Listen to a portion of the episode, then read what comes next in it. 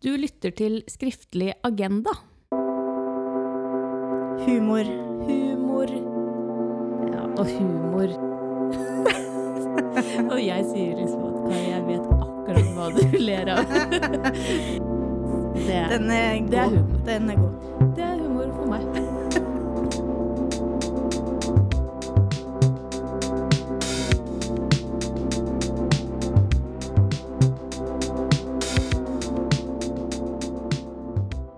Jeg har gleda meg kjempemye til Ja. å ha denne episoden her.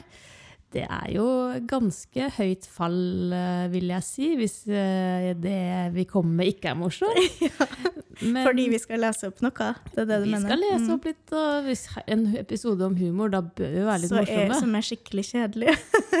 ja, det er jo det vi kan eh, ja. risikere her. Men, Men, det er jo så mye som kan være morsomt, og jeg kommer jo fra bygda i Trøndelag. Mm. Um, og jeg setter jo veldig stor pris på en god røverhistorie. Ja.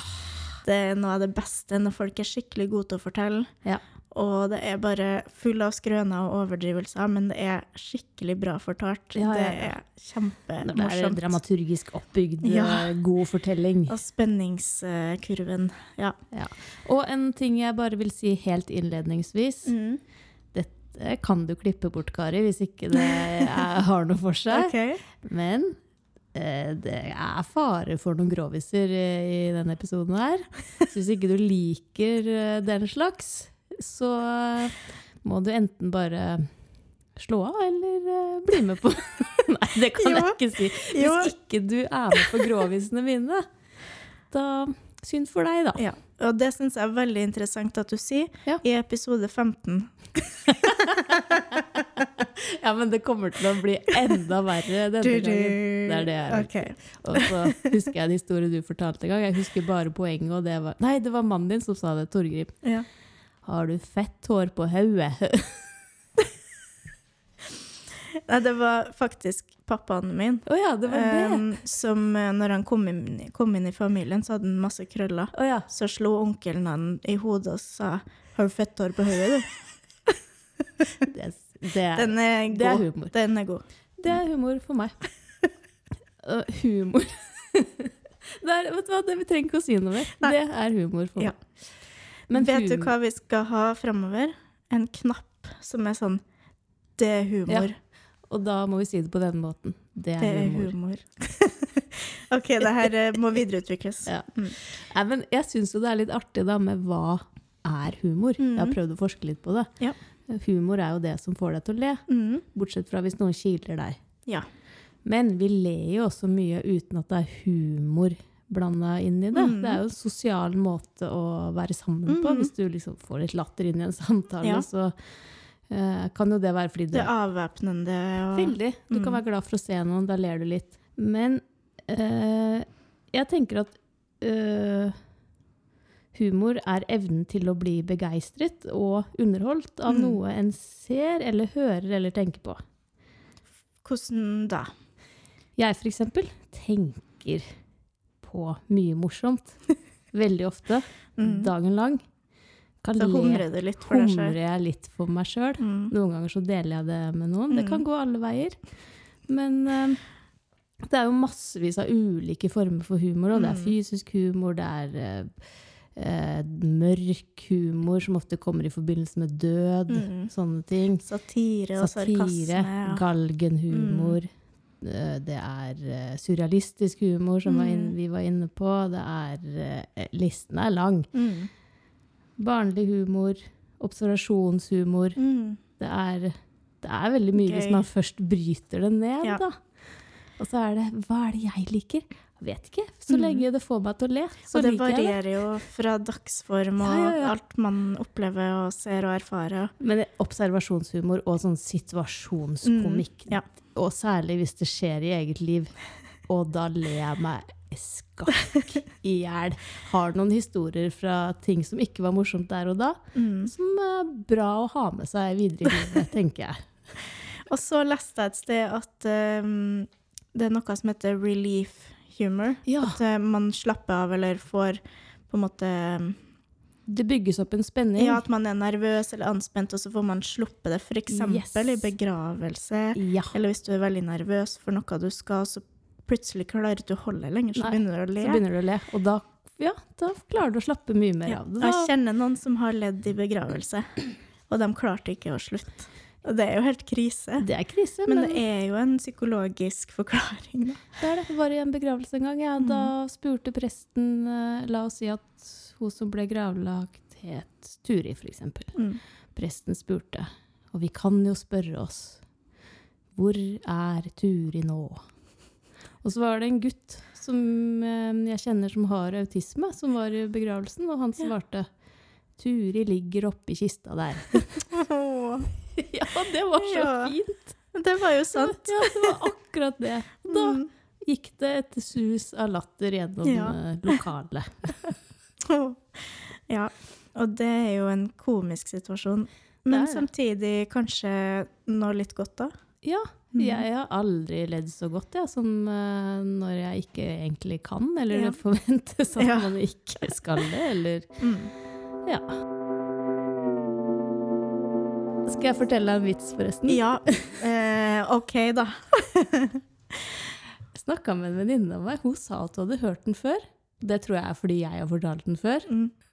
Jeg nekter å tro at noen andre har funnet på denne vitsen.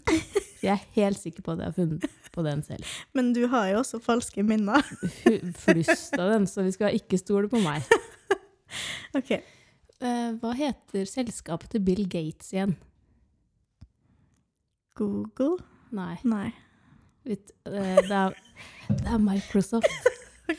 Hva heter selskapet til Bill Gates igjen? Microsoft? Ja, er det ikke rart at av alle ting han kunne ha kalt opp eh, selskapet sitt etter, så valgte han å kalle det opp etter pikken sin? Det, det var dumt at jeg ikke visste hvilket selskap det var først. Ja, bare Apple, Google.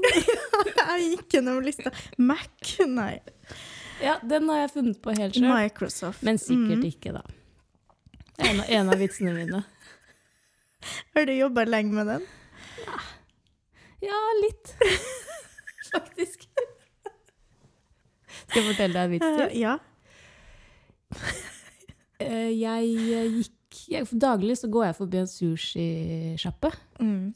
Uh, og så for litt siden, så når jeg gikk forbi der, så kom det en fyr løpende etter meg. Han hadde en konvolutt i hånda uh, som han ga til meg. Og oppi Mm. der lå det en regning på 738 kroner. Okay. Og jeg bare hva f... Hæ? Hvor, hvorfor det? Liksom, jeg, jeg, har, jeg har alltid betalt for meg når jeg har kjøpt sushi her. Og så var det litt sånn Nei, jeg vet ikke helt, men jeg skal bare gå inn og høre med sjefen. Så Mhm. sto jeg og venta og liksom Hva er det her for noe? Så kom han ut igjen, da, og så spurte jeg igjen hva Hvorfor gir du meg den regningen her? Jeg, jeg skylder dere ingenting. Mm. Og så sa han at jo Jo, sjefen min eh, forklarte meg det nå. Og det er at for hver gang du går forbi sjappa her, så taper vi penger. What? Hvorfor okay. det? Det er fordi at uh, hver gang du går forbi, så ser kundene våre det. Og da følger de etter deg fordi du er så sinnssykt rå! Twist! Ja, det var mine to egenproduserte vitser. Veldig bra. Bada-bim, bada-boom. Woo! Bra jobba. Jeg har jo ikke turt å skrive en vits, fordi jeg er jo ikke morsom.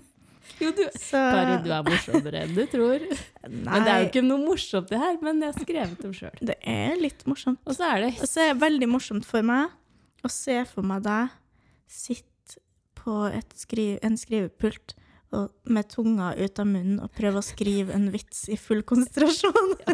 det ser jeg for meg. En sånn alvorsfullt vitseøyeblikk. ja, men det som er Det kan jeg si etterpå, da. At Mm. ting eh, kommer når jeg sover. Når jeg Altså, humor. Mm. Humor er i, på hjernen min. Eh, og det skjer ofte humor humoristiske ting når jeg sover. Jeg drømmer morsomme drømmer. Kult.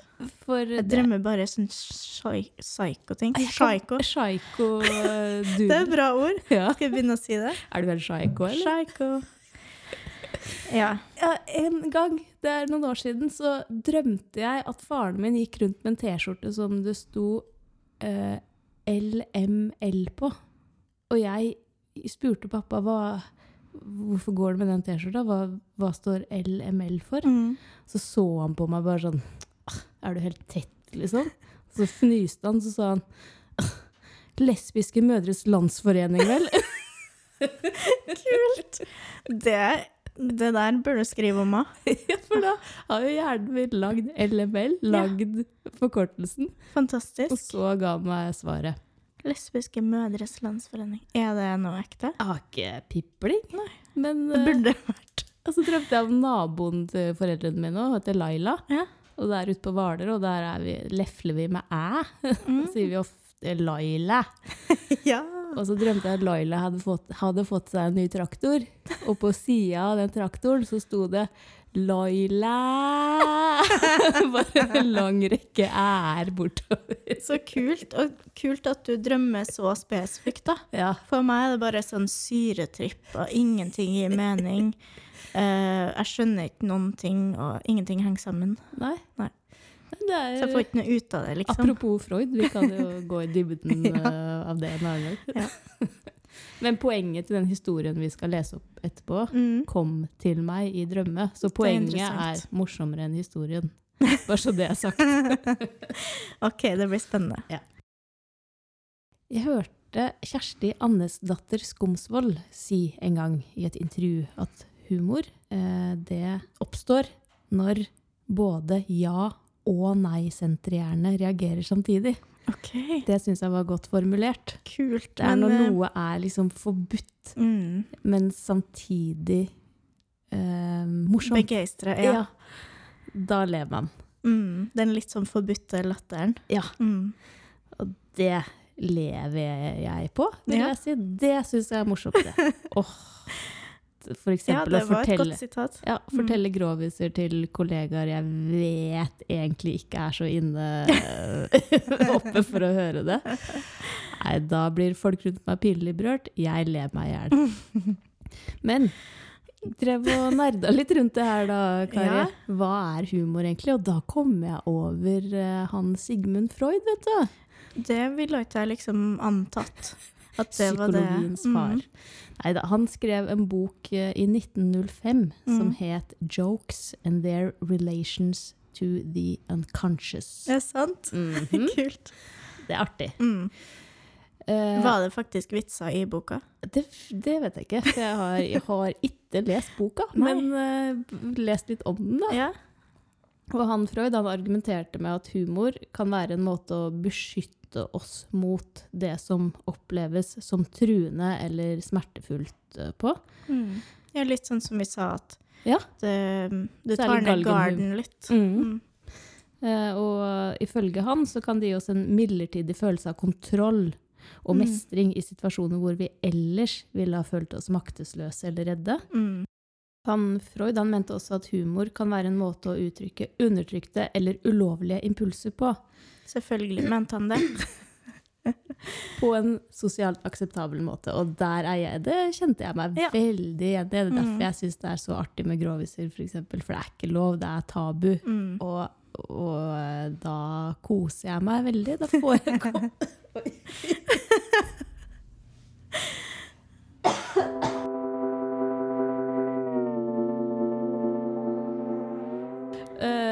Freud han mente eh, at humor er den viktigste psykologiske forsvarsmekanismen vi har, faktisk. Fordi den kan brukes på en rekke ulike måter og hjelpe oss med å takle forskjellige psykologiske utfordringer. Oh. Og han sa også at humor nekter å underkaste seg lidelsen.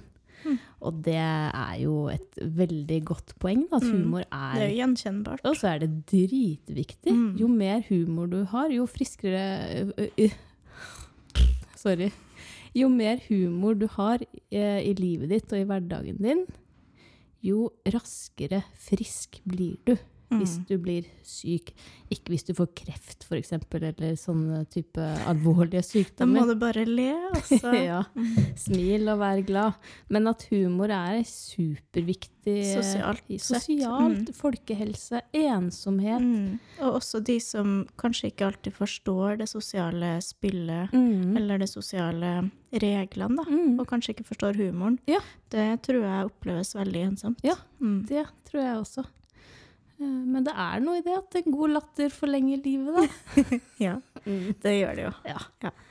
Så, ja, og så er det jo evne til uh, selvironi, eksempel. Det å kunne Og klare å se um, det komiske i noe tragisk Ja, kan jo snu perspektivet ditt litt òg, da. absolutt.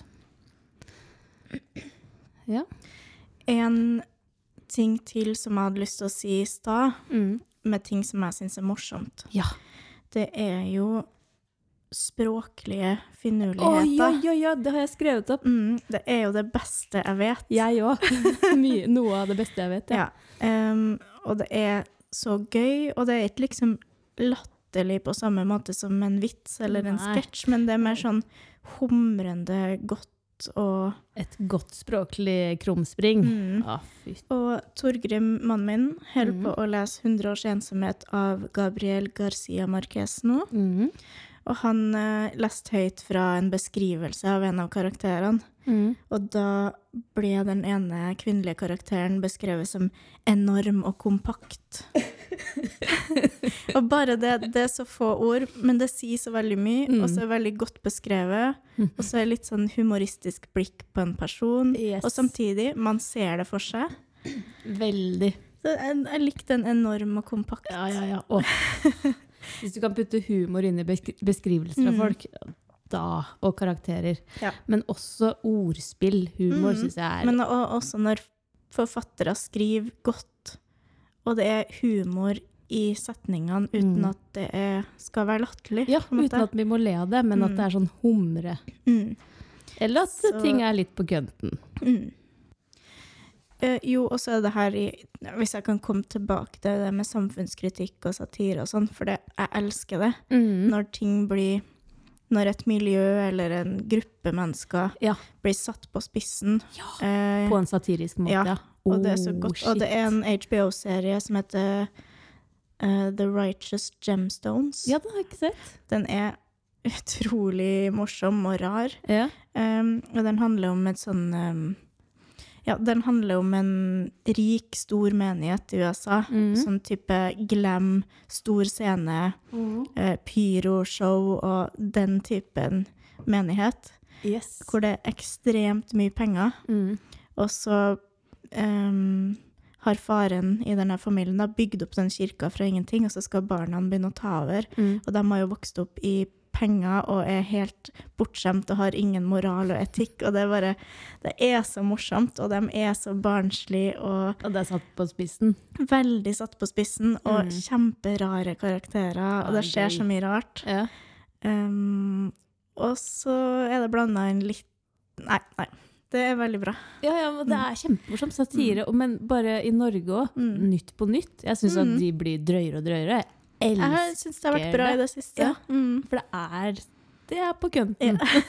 og så den eh, filmen 'Syk pike'. Åh, den var så bra! som er en satirisk film ut Mm. av eh, ville helvete. Spesiell. Ja. Mm, den var veldig bra. bra. Morsom. Mm. Smart. Jeg følte Ja. meg smart når jeg gikk ut derfra. Enig. For Og jeg si noe om skjønnhets... eh, Skjønnhet og, og oppmerksomhetsjag. Uh, unge kunst, ung kunstnerelite i Mhm. Oslo. Med han som stjeler møbler, Ja. eksempel. Det er jo. Cezinando som blir Ja, det var eh, så bra. parodiert der. Ja, det er, Mm. det. ja, det er gøy. Se den hvis dere ikke har sett den. Ja. Den var veldig god film. Ja, helt enig. Og annerledes til å være en norsk ny Mm. film. Ja, det var veldig, veldig bra. Mm.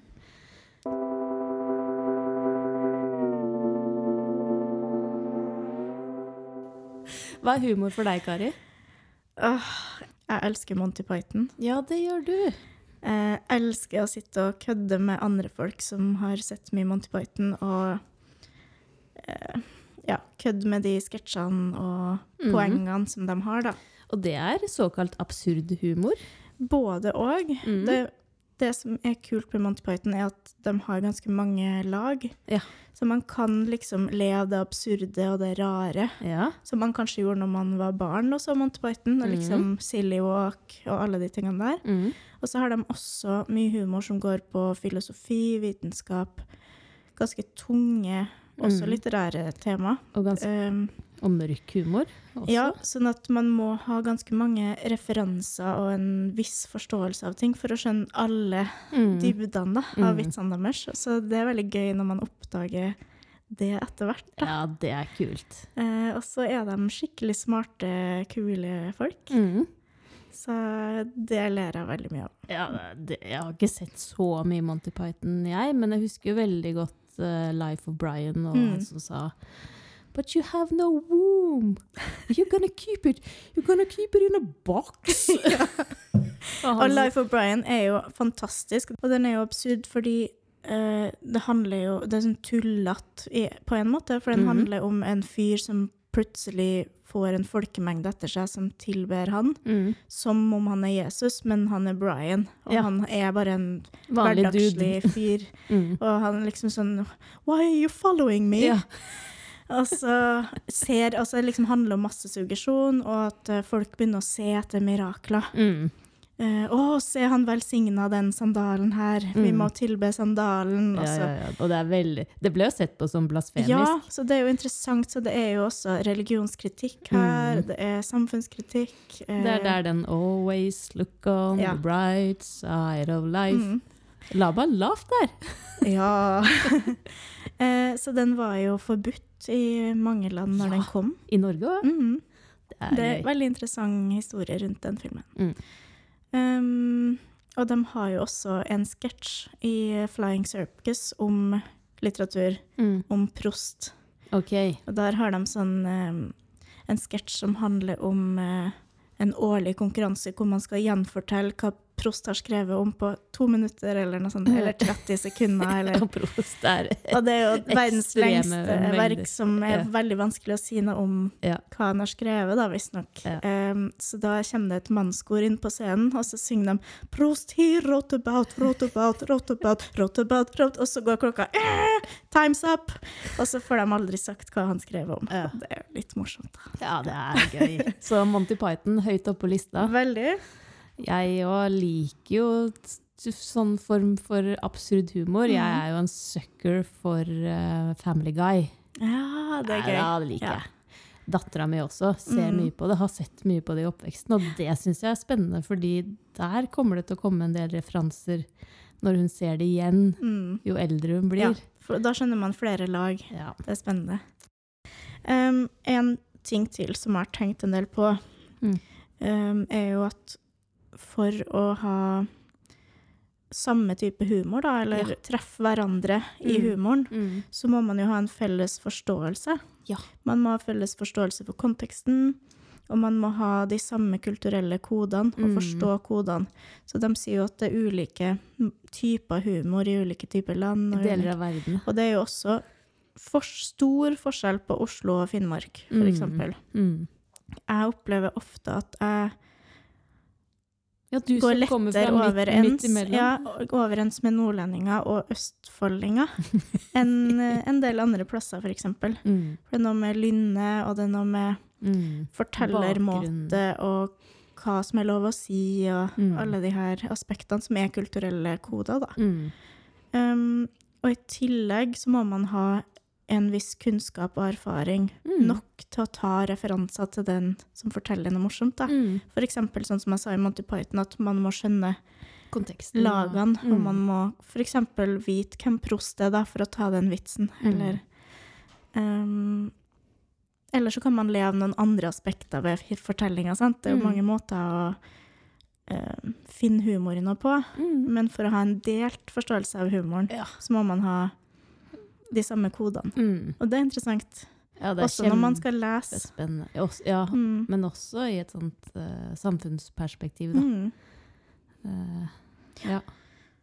Så det jeg spør meg er Utvikler humoren vår seg over tid, altså når vi blir gamlere og gamlere? blir f.eks.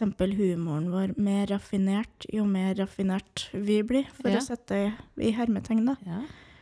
Um, det er en litt sånn tanke som er videre fra den vi snakka med Bjørg om, om underholdningslitteratur, og det med at man utvikler seg som leser, Mm. da. Mm. Jo mer man leser, jo mer erfaring man får, jo mer um, Ja, man blir en annen type leser og leser ting på en annen måte. Jeg Mm. tenker kanskje det samme skjer med humor. Ja, Både og, kanskje. både og. Ja, om man kommer fra et sted humormessig som det Ja, det kan hende at man har et lynne Mm. som Ja. man har med seg, og så raffineres det ut fra det, kanskje?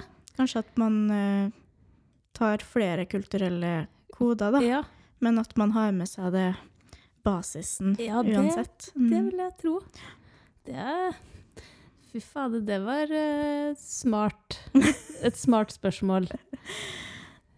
Eh, men jeg, tror, jeg vil tro det. Ja, Mm. det raffineres jo, fordi Ja. jo mer du leser og utvikler deg og ser også at sansen for humor blir mer fin. Blikket ditt blir ja. skjerpa på et vis, Ja, kanskje. og det er jo hva du fokuserer på. Jeg Mm. merker jo at nå som jeg har fokusert mye på humor frem mot den episoden her, så har jeg jo hatt det mye morsommere òg. For da har jeg måttet få med meg ting og hus tenke tilbake på morsomme ting som har skjedd og sånn. Mm. Um, men jeg er jo Syns jo fysisk humor er og blir Slapstick, liksom. Ikke så mye slapstick, ikke sånn ramle rundt og sånn. Mer promp. Punktum. Promp og pupper og sånn syns jeg er artig. OK. Lange brød og sånne ting. Jeg, jeg, jeg ser ikke helt. Jeg vet. Og jeg sier liksom at Kari, jeg vet akkurat hva du ler av. Ja, men det kan hende du vet, selv om du ler av noe annet. Mm. Ja, men lange brød, det er Ja. morsomt, liksom. Ja, det er veldig mye vitsemang. For eksempel så har jeg tulla mye med at uh, jeg trenger Hvis jeg skal flashe brøda nå, Mm. så trenger jeg bare å vippe opp nederste del av genseren. Ja. For jeg er snart 40, Og så har vi, vi har jo faktisk en setning vi sier for å teste lyden Ja, hver gang. Vil du ta den? Det er vondt å hoppe på trampoline med så lange pupper. Det er en sannhet. Ja, det tror jeg Og for hvert hopp på Mm. den trampolina, så føler jeg at brøda blir lengre og lengre. Tyngdekraften sliter i meg. Hva vil framtida gi?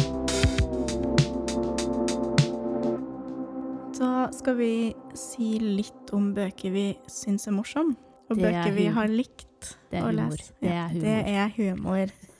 Ja, Det for er det det er. Og det er en vanskelig oppgave, for humor i bøker er ofte litt sånn uh, gjemt, syns jeg. Det er Mhm. mer humre. Ja. Det, det er ikke så ofte jeg ler meg Et uh, humoristisk blikk Ja. i språket eller i Nettopp. Uh, situasjonen, måten situasjonen blir beskrevet på. Mm. Mm. Så jeg har jo Jeg elsker jo Ragnar Hovland. Ragnar Hovland! Ragnar Hovland! Ja. Og jeg elsker 'Sveve over vatna'. Og jeg leste den etter jeg flytta til Bergen for å bli student og Ja. bo og være student i Bergen. Og den handler jo om å flytte til Bergen og være Midt leve I blinken. Ja. Så det er jo en slags sånn um, stereotyp fortelling om den erkestudenten, på et vis. På, med sånn godt vestlandsk lynne. Veldig. Og det er Språket er helt fantastisk. Jeg mm. elsker det. Ja. Så jeg tenkte jeg skulle lese opp en liten Å, jeg gleder meg til å del høre, for jeg må lese Hovland. Ja, det må du. Ja. Det her er før han drar til Bergen, okay. så det er helt i starten. Ganske tidlig i boka. Mm. Hva heter boka igjen? 'Sveve over vatna'. Det var det. En flokk katter. Dette at jeg skulle dra til Bergen om høsten, var ikke noe som datt i meg da. Det hadde sveva litt rundt i bakhovet mitt gjennom hele sommeren, men nå begynte det å daske og romstere nokså høylytt inni der. Jeg måtte nesten gjøre noe. Det hadde liksom ikke vært noe tak i meg etter at jeg slutta på gymnaset. Jeg hadde jobba på Sildoljen et års tid, til det lukta slik av meg at ei skrei med katter fulgte meg hvor jeg for, og jeg begynte så smått å kjenne meg som den store kattefangeren fra Hammelen. Det som redda meg før ryktet mitt blei heilt ødelagt, det var ennå en bete igjen, var at de la ned heile Sildoljen. Tillitsmannen blei kalla inn på kontoret og fikk beskjed. De skulle legge ned denne fabrikken som ikke lenger lønte seg. Det ville vel ikke være vanskelig for oss å finne annet arbeid? Jeg dro hjem og tok meg et grundig bad med talløse innsåpinger, men tro ikke at det hjelpte slik med en gang. Sjøl om lukta på det nærmeste var vekke, så fulgte kattene etter meg like forbanna, bare av gammel vane. Jeg måtte være lett å kjenne att. De så antagelig på meg som en slags åndelig leder, som skulle føre deg tørrskodde gjennom øydemarka. Men jeg hadde trass alt større ambisjoner enn å være katteleier, om de var aldri så mange. Det tykte jeg nesten at de måtte forstå. Og heldigvis, en dag var det visst ei og anna av de som begynte å spørre seg sjølve hvorfor i heiteste de egentlig fulgte etter denne fyren slik, dag etter dag. Det var da ikke slik sjarm over han likevel. Slik faller de fra litt etter litt, skrøpelige i skjødet som det var. Kanskje fant deg en annen som kunne vise deg veien. Til slutt var det bare én liten djevel att som ikke ville gi meg opp. Det var ei trufast og svart lita sjel med litt kvitt på frampotene. Det var en som var sterk i trua det. Enden på det hele blei at jeg sendte han i en kasse til tanta mi i Høyanger. Jeg bad henne ta godt vare på han og gi han nok mjølk. Slik blei jeg endelig en fri mann igjen. Heldigvis var kattene forsvunnet i god tid før jenta dukka opp. Men nå var altså hun gått samme veien, og Bergen sto for tur. Det var en fyr som hadde sagt til meg, Hvorfor begynner du ikke på universitetet? Der kan du gå i år etter år og likevel ikke bli til noe når du er ferdig. Det var det som gjorde utslaget for meg. Jeg måtte finne på noe å gjøre. Det var greit. Men bli til noe, det ville jeg ikke. Jeg var en type full av sjølrespekt. ja, det er gøy. Ja, og det der sitatet med å gå i år etter år og aldri bli til noe, Ja. det er jo gjenkjennbart. Ja, det er uh, spot on. Og han har sånne digresjoner med historier med rare ting som skjer hele Ja. tida. Så de kattene og de krumspring. mm, Og busser som sluker det hele. Det, leken. Mm, veldig. Ja. Jeg elsker alt han skriver. Da vet du hva du kan kjøpe i julegave til meg. Ja. Blir bombardert med No pressure. Mm. Morsomt. Mm. Jeg har plukka fram Kjell Askelsen, jeg. Ja, jeg er veldig spent. Vi snakka litt om det før vi trykte ta opp her nå. Mm. At uh, jeg kjenner ikke så godt til han, og Nei. du kjenner ikke så godt til Ragnar Hovland. Så veldig fin er exchange. God match på en måte. Ja. Um, Få høre. ja. Kjell Askelsen, han var jo Mm. en uh, mester på å skrive noveller. Mm. Han skrev knappe, presise, ekstremt gode noveller. Okay. Men så skrev han ehm, en samling han kalte for Thomas Fs siste nedtegnelser til allmennheten. Det er også veldig knappe og, og gode historier. Men de er litt mer humoristiske enn det andre han skrev, okay. syns jeg, da. Mm. Spørsmål. Mm. Du la ut en story på Mm. Instagrammen vår Mm. med noen bilder og noe utklipp Ja, ja, ja. og sånn. Er det noe du har gjort sjøl, eller er det noe utgivelse? Nei, det er jeg, Mm. det er som har tegna og Så du har liksom klippet ut ting du har likt og samla fra han, eller fra forskjellige ting? Det var en lita bok som jeg ga i gave til en eh, god venn. Mm. Venninne Mm. av meg. Til jul. Et år. Så koselig. Såpass høy på meg sjøl er jeg Mm. at jeg gir bort ting jeg har lagd sjøl. Veldig koselig. Men eh, ja. Mm. Og vi har felles eh, Det var henne som Det var du, kjære venn, som Mm. introduserte meg for Kjell Askelsen, Mm. og det er jeg hyggelig. evig takknemlig for. Du vet hvem du er. Kult. Ja. Mm. Så Kjell Askelsen, fangirl Ja. her, altså. Men Thomas F. Ja. er en uh, artig karakter. Det er en livstrøtt og misantropisk uh, mann i 80-åra. Han går mot døden, sakte, men sikkert. Eh, han, mismotet hans uh, gjør at han beskriver tilværelsen på en veldig mørk, men også veldig humoristisk måte. Da. Mm. Skrev han det når han var gammel sjøl, eller? Nei, han skrev den på 80 ja, 80-tallet, så han var vel uh, Han ble godt over 80 da han døde for et par år siden. Mm. Så Ja. You do the math. No, thank you. orker, jeg orker ikke å begi meg ut på det der akkurat Den nå. skjønner jeg. Sikkert født Mm. på 20-tallet, så da var han vel eh, sånn 60? eh, rundt 60, da. Mm. Så nærma seg Begynte å lukte på alderdommen, da, Mm. kan du si.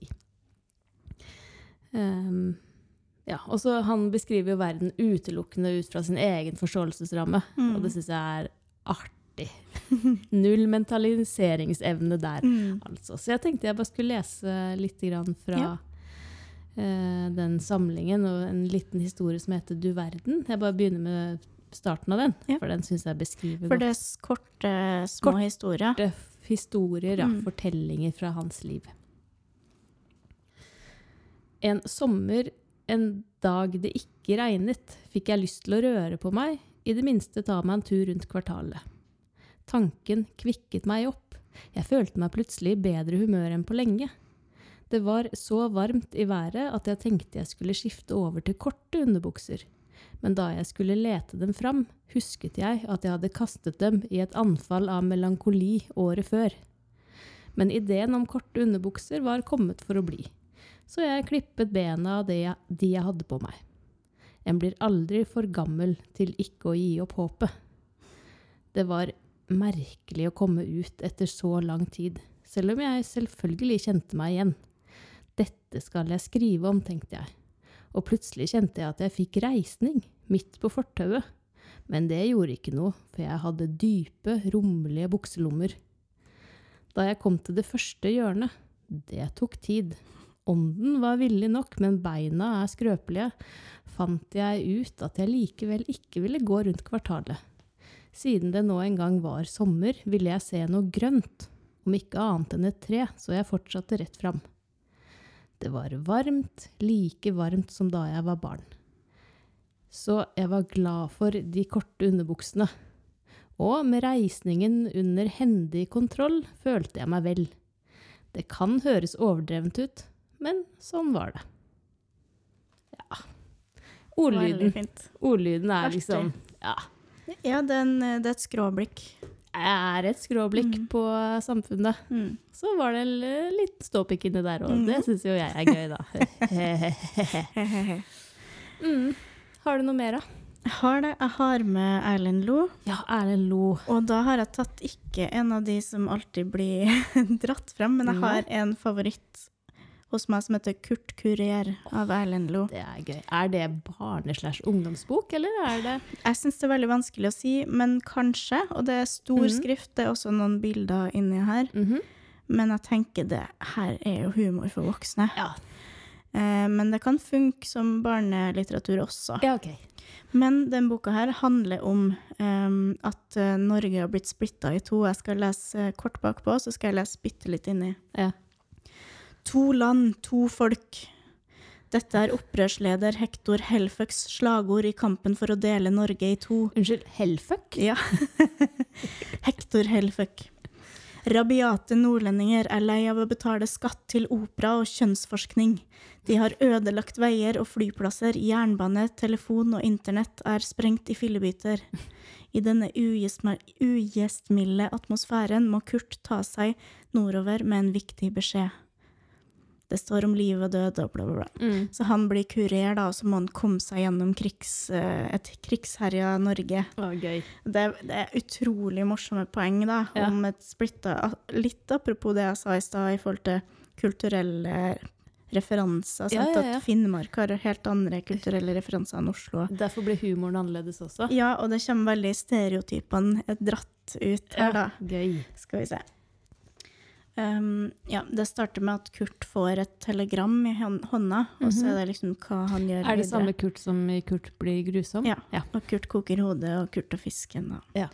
Um, så han er på en fest på kaia, Mhm. hvor alle de viktigste personene i Sør-Norge er samla, ja. av en eller annen grunn. Um, Kurt brøytet seg gjennom de dansende og sluntrende festdeltakerne med telegrammet i hånda. Unnskyld, sa han. Unnskyld meg, beklager, unnskyld. Omsider kom han bort til Gunnar, som sto i sin fineste gallaskrud. Sjef, et nytt telegram. Hvorfra? Fra Bodø, sjef. Er linjen kuttet nord for den byen? Ja, sjef, siden i går. Takk, Kurt, min trofaste medarbeider i disse vanskelige tider. Ta deg en bolle og hold meg informert utover natten. Kurt brøytet seg gjennom de dansende flåttenfeierne, bort til bollebordet og trakk seg deretter tilbake til telegramrommet, hvor han strevde med å holde øynene åpne mens han tygde sakte på bollen sin. Dette foregikk et par timer over midnatt, nøyaktig på det tidspunkt hvor festen på kaia var på sitt aller mest strålende. En mengde viktige personer var til stede, kongen, statsministeren, stortingspresidenten og alle de sørnorske partilederne gikk rundt og spiste sørnorsk og spiste sørnorsk leverpostei og stakk hodene sammen med sørnorske kunstnere, værmeldere, toppidrettsutøvere og naturligvis en fire-fem av de sørnorske deltakerne i Charterfeber. Og så er det mye om det, da. Og så Mm. hopper jeg til neste kapittel. Det er på kornet. Ja, to kapittel. Som kapittelet heter Hellfuck. Mm. Opprørslederens navn var Hector Hellfuck. Han var forkledningskonge, og dessuten en ytterst utrivelig mann med en rødglødende og sinnssyk forakt for Sør-Norge. Opprinnelig var han fra Bergen, men etter å ha tapt et statsministervalg og laget en masse kvalm for mange år siden, ble han sendt i eksil til Finnmark. Etter hvert begynte han å hate hovedstaden og området rundt hovedstaden og alle som bodde der, og ettersom årene gikk, fikk han familien sin opp fra Bergen på familiegjenforening, og så lærte han dem å hate som ham. Snart hatet hele Helføk-familien både hovedstaden og Kristiansand, og de som bodde mellom hovedstaden og Kristiansand, og de i Telemark, og i alle fylkene som grenset til Telemark, og folk i bergensområdet, og i Stavanger-trakten, og i store sirkler både sør og nord og øst for disse byene. De som bodde i Innlandet, hatet Helføk-familien som pesten, spesielt de som bodde i Østerdalen. Men også de som ikke bodde der, men andre steder, eksempel langs kysten. De hatet de sør-, vest- og midtnorske kystfolkene, og Helføkt brukte å herme etter dialekten deres på kjempeslemme måter når han hadde fått i seg et glass eller to. Merkelig nok hatet Hellfuck-familien trøndere nesten mer intenst enn de som bodde lenger sør. Det er vanskelig å sette fingeren på hvorfor, men hvis de fikk tak i trøndere, spiste de dem til frokost. Kort fortalt avskydde Hektor Hellfuck og familien hans alle som bodde sør for Helgeland. Derfra og nordover likte de folk bedre og bedre, og de som bodde så langt nord som det er mulig å komme, likte de aller best. Og så handler det videre om at de har slagord med 'to folk, to land', og at de sprenger ting. Og Ja, gøy. det er absurd og naivt og veldig Ja. morsomt. Det høres litt ut som den uh, filmen han hadde manus på, eh, 'Alle hater Johan'. Der Ja. er det jo mye sprenging og Og mye som han skriver, ligner jo på hverandre. Det har Ja. en sånn Ja, det er noe med fortellerstemmen, da. Ja, det er det. Um, Han har, jeg liker det. mm, han har funnet eh, sin fortellerstemme Mm. de luxe. Ja. Og jeg syns alt han skriver, er morsomt. Ja, han er, og han er jo en artig karakter i seg sjøl. Har Mm. du sett han komme syklende på etthjulssykkelen Ja, sin med helskjegget det. sitt, eller? Det er tøft Ja, at han sykler rundt på ett hjul, altså. Mm. Nei, han er kul. Ja, han er kul. Og um, han har også noen poenger som ligger under der. Mm. Mm. Ja. ja! Ja. Så det, sånn er det. Det er bare min indre høne, som hun sa. Skal vi gå over til neste del? Da blir det Ja. Jeg vet ikke hva neste del er. jeg, så- Topic. Ja, hvorfor driver jeg og glemmer det? hver gang. Ja. Hei og velkommen til Lukas Topic.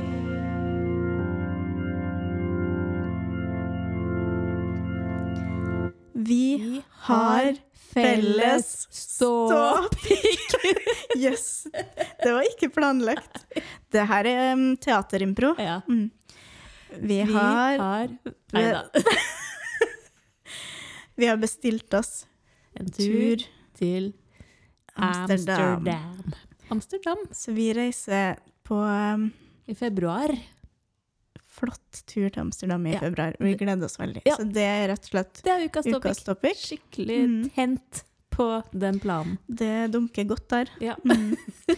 Så det blir skikkelig koselig, og vi skal ha litt skriving og litt sightseeing mm. og litt øling. Mm, og så kanskje vi tar med oss en liten mikrofon òg, eller vi, vi Mm. får se. Se hva vi får til. Det hadde vært kult. Hadde vært Og spilt artig. inn på en uh, kafé i Amsterdam eller noe. Ja. Men i hvert fall, det blir veldig søren, fint. da kan vi late som at vi er, noe, at vi er jævlig mye mer enn vi er. Ja. Det blir bra. Ja. Stå pikk. Skal vi prøve å lese opp det vi har skrevet, da? Ja, det skal vi faen meg. Du, du. OK. Du eh, hopper i det? Ja, gidder ikke å si så mye på forkant, jeg bare hopper i det. Bestemor og jeg hadde aldri noe nært forhold. Det hadde sine årsaker, men mest av alt tror jeg båndet vårt røyk én gang for alle julaften 2017. Det var nemlig da det med bæsjen og blomsterpotta skjedde, og at det hele var min feil. Så da bestemor lå for døden, og det var meg hun ville si sine siste ord til, skjønte jeg ingenting. Jeg satt lent inn mot den gapende munnen hennes og så hvordan den knusktørre tunga virret rundt der inne i hulen sin uten å finne feste eller holdepunkt noe sted, som en nyklekt og desorientert fugleunge. Det stønnet hun. Jeg la øret nesten helt inntil fjeset hennes, kjente ånden skrape mot veggene i øregangen. Det var hveste bestemor, før hun sukket og vridde hodet bort. Jeg rettet meg opp og så meg over skulderen. Bak meg sto mamma, pappa og lillesøstera mi. Mamma gråt. Det hørtes ikke, men skuldrene hennes ristet.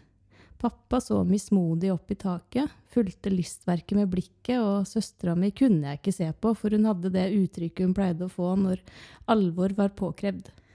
Jeg kjente at hun søkte øynene mine med det stive blikket sitt, det som kunne knekke hvem som helst og på klarsynt vis påkalle latteren som en innestengt og forbanna demon.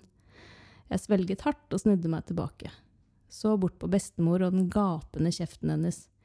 Rynkene virket glattet ut på et vis.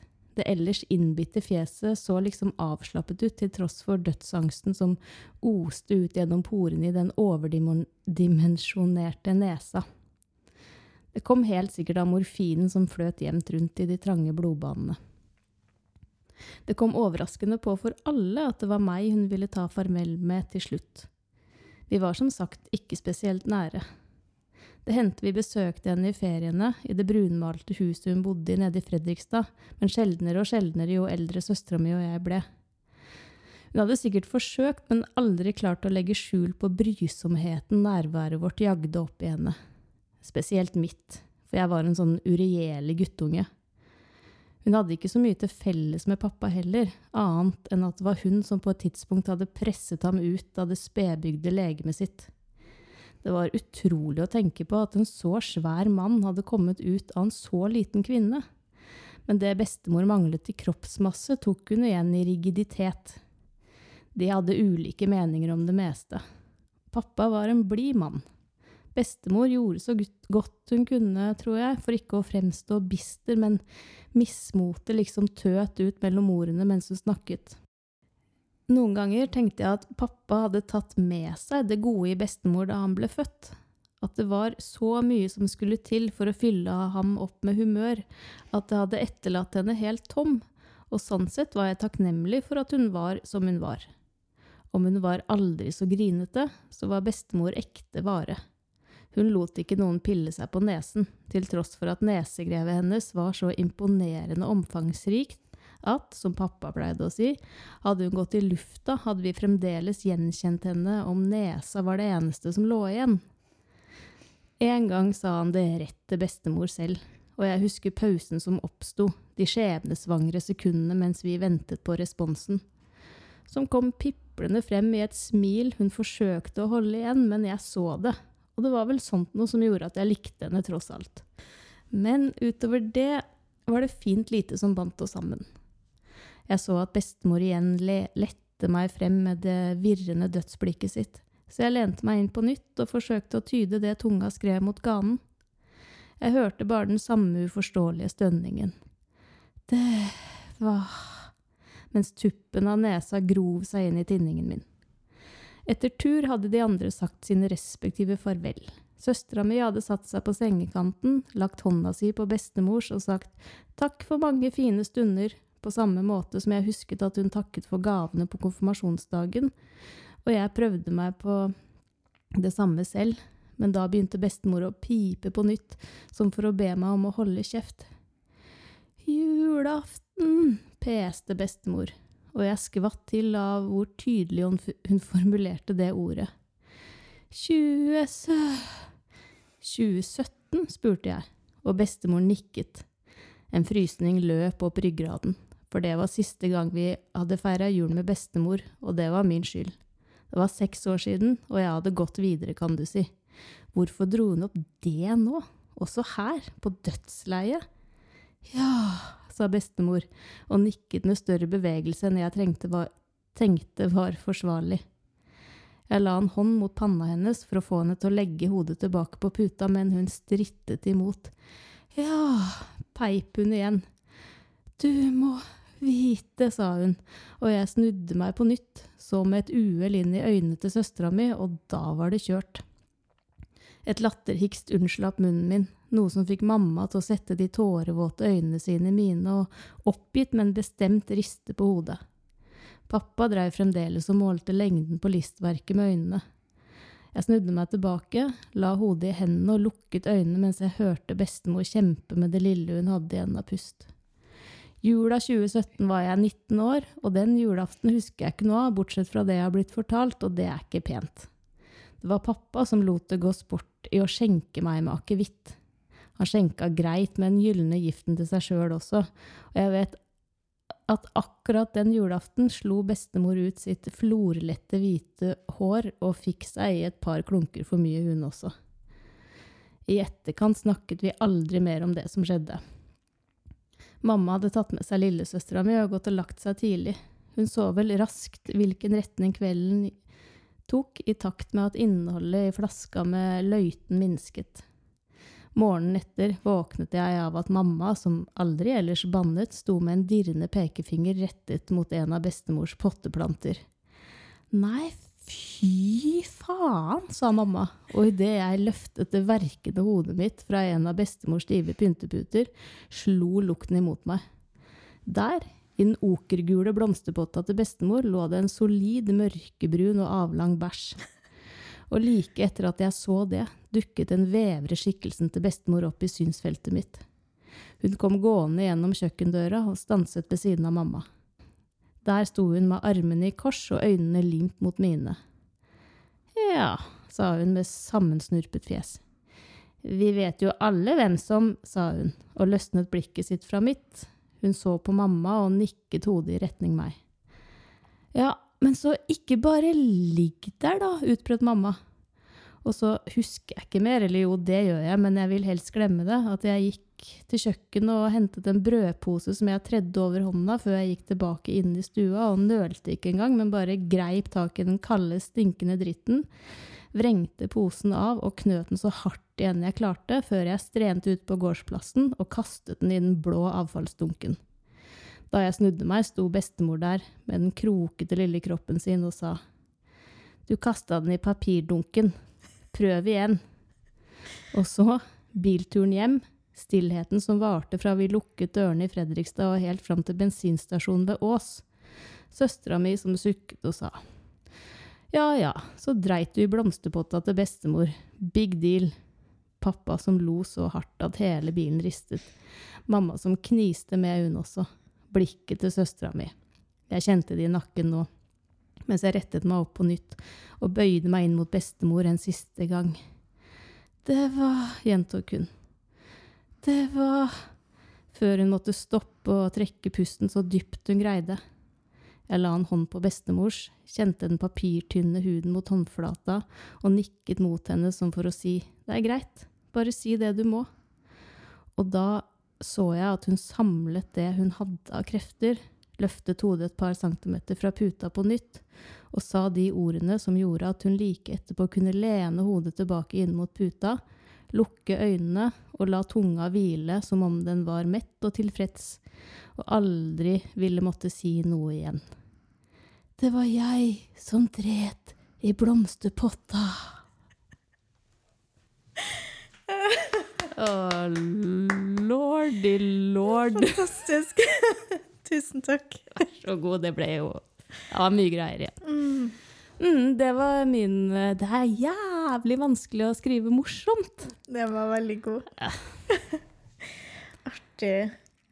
Tusen takk. Jeg har ledd av eh, poenget. Det har gått eh, på repeat i hjernen min. Det var jeg som dret i blomsterpotta. Uten at jeg har hatt noe historie å feste det på. Det var veldig levende fortalt. Ja, tusen takk. Å, herregud, det var oh, Nå kan jeg puste Mm, ut, for ja. nå skal vi høre på deg. Min lille historie. Ja. La oss først slå fast at hår er et statussymbol. Rundt omkring i verden er kvinners hår et politisk anliggende, og det er inget unntak her, selv om vi ikke alltid ser det selv.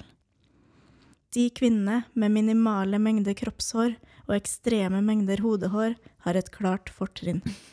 Dette er vitenskapelig bevist. I tillegg kan en god eller dårlig frisyre plassere deg sosioøkonomisk og politisk for en dreven tilskuer. Og her, i denne konteksten, går jeg rundt med et tjafsete hode. Det ser ut som om noen alltid har røska meg i huet like før jeg runder hjørnet. Jeg ser på de andre folka. De som alltid ser ut som sine beste selfier. De med moderne manke. Jeg vil bli som dem. Jeg trår så inn i frisørenes verden og setter meg ned. Og mens jeg drukner i de fløyelsdekte stolene i ventesonen, kommer hun som skal bli redningen. Ina? spør hun. Jeg smiler og nikker. Kom med meg, du. Hun presenterer seg som Ada og har kuratert sitt ytre på finurlig vis. Bleket hår, blekere tenner og en gyllen, solbrun hud som helt klart ikke er naturlig. Ada tar kaffebestillingen min mens hun hiver frisørkappa rundt meg, roper en beskjed til en kollega, drar meg i håret for en kjapp vurdering og pumper meg hardt opp fem ganger. Er det sånn kyllinger har det før slakt, tenker jeg. Ada forsvinner og kommer tilbake akkurat idet jeg klør meg i nesa. Hun setter nytraktet americano foran meg. Så begynner forhandlingene. Ja, Ina, hva skal vi gjøre for noe i dag, da? Nei, altså som du ser så har jeg jo en liten hårkrise. Ja, det var litt slitt og bustete baki her, Ina. Hun sier det med et smil som om hun ikke mener det. Ja, jeg trenger en forandring. Jeg har med noen bilder, hvis det er ok? Ja ja, sier Ada mens hun fortsetter å dra meg i håret. Jeg viser bilder av folk som ser både intellektuelle og sexy ut på en gang. Bohemsk og moderne. Hard, men feminin. Det er å sikte høyt, ja, men hvorfor ikke? Ja, den der var fin, vet du, sier Ada og peker på et bilde. Men uh, lar det seg gjøre, da, i forhold til lengden og sånn? Ja, det ordner vi, vet du, Ina. Det synes jeg høres rart ut, for personen på bildet har helt annen lengde og tekstur enn meg. Hva slags triks har Ada oppi ermet? Jeg antar det er mest hår. Jeg bemerker meg også at jeg har stadig mer empiri for følgende. At alle frisører har tatt samme nettkurs og lært at det er tillitsvekkende å gjenta klientens navn til det ugjenkjennelige. Ada antar nå at jeg har full tillit til hennes kompetanse og stilforståelse, men jeg kjenner den napper i den delen av hjernen hvor varsellampene er. Jeg undertrykker alarmen. Jeg har ikke noe valg nå. Nå sitter jeg fanget i frisørkappa med en americano laget spesielt til meg. Ada har livet mitt i sine hender. Hun går i gang med saksa og den obligatoriske frisørsamtalen.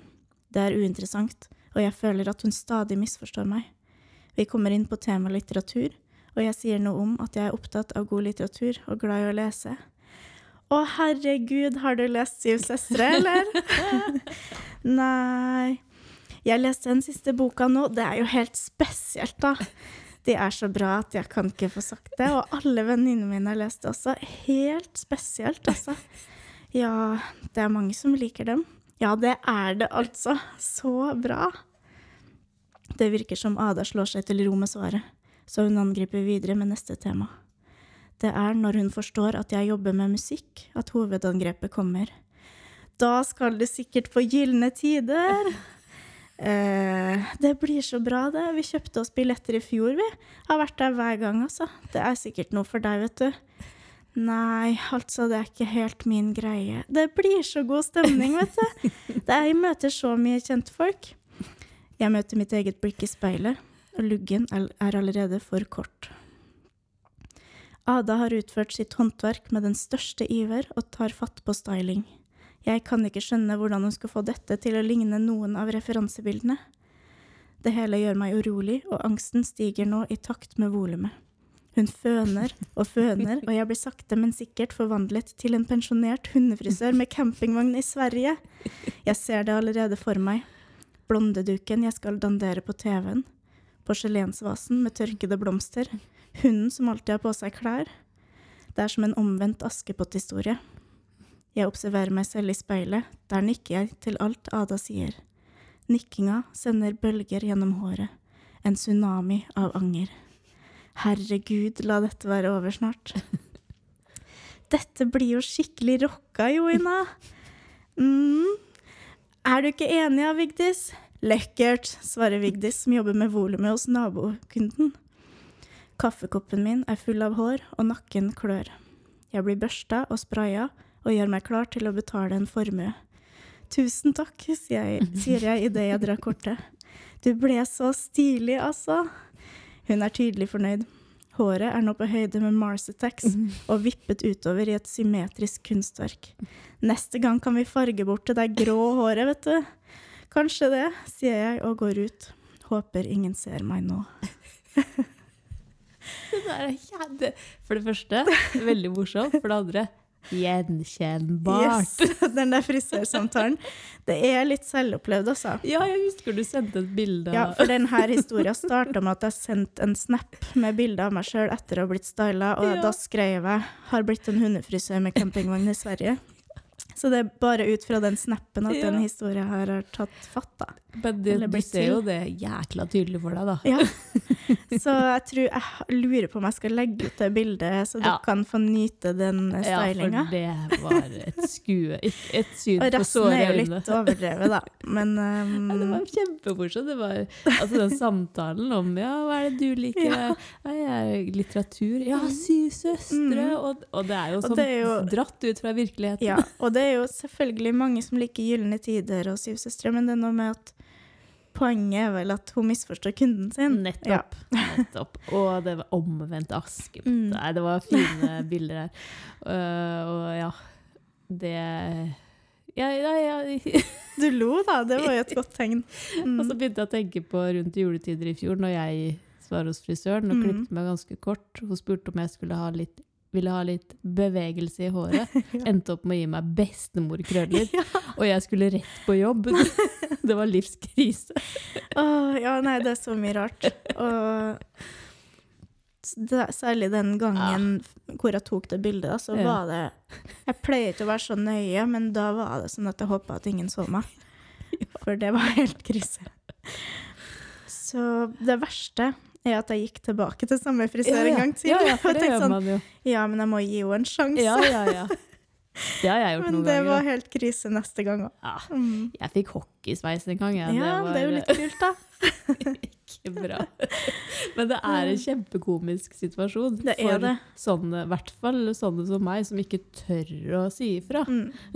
Som bare sitter der og Også noe med at alle frisørsamtaler ligner på hverandre, Ja. og det der at de gjentar navnet ditt. Det er Ja. noen sånne ting som går igjen. Yes. Så det er veldig interessant. Ja. eh, Psykologisk interessant. Ja, det er det. Og det er helt jævlig sted å være, spør du meg. Det er Kan være hyggelig, men man, må man finne riktig person. Ja, Mm. fy søren.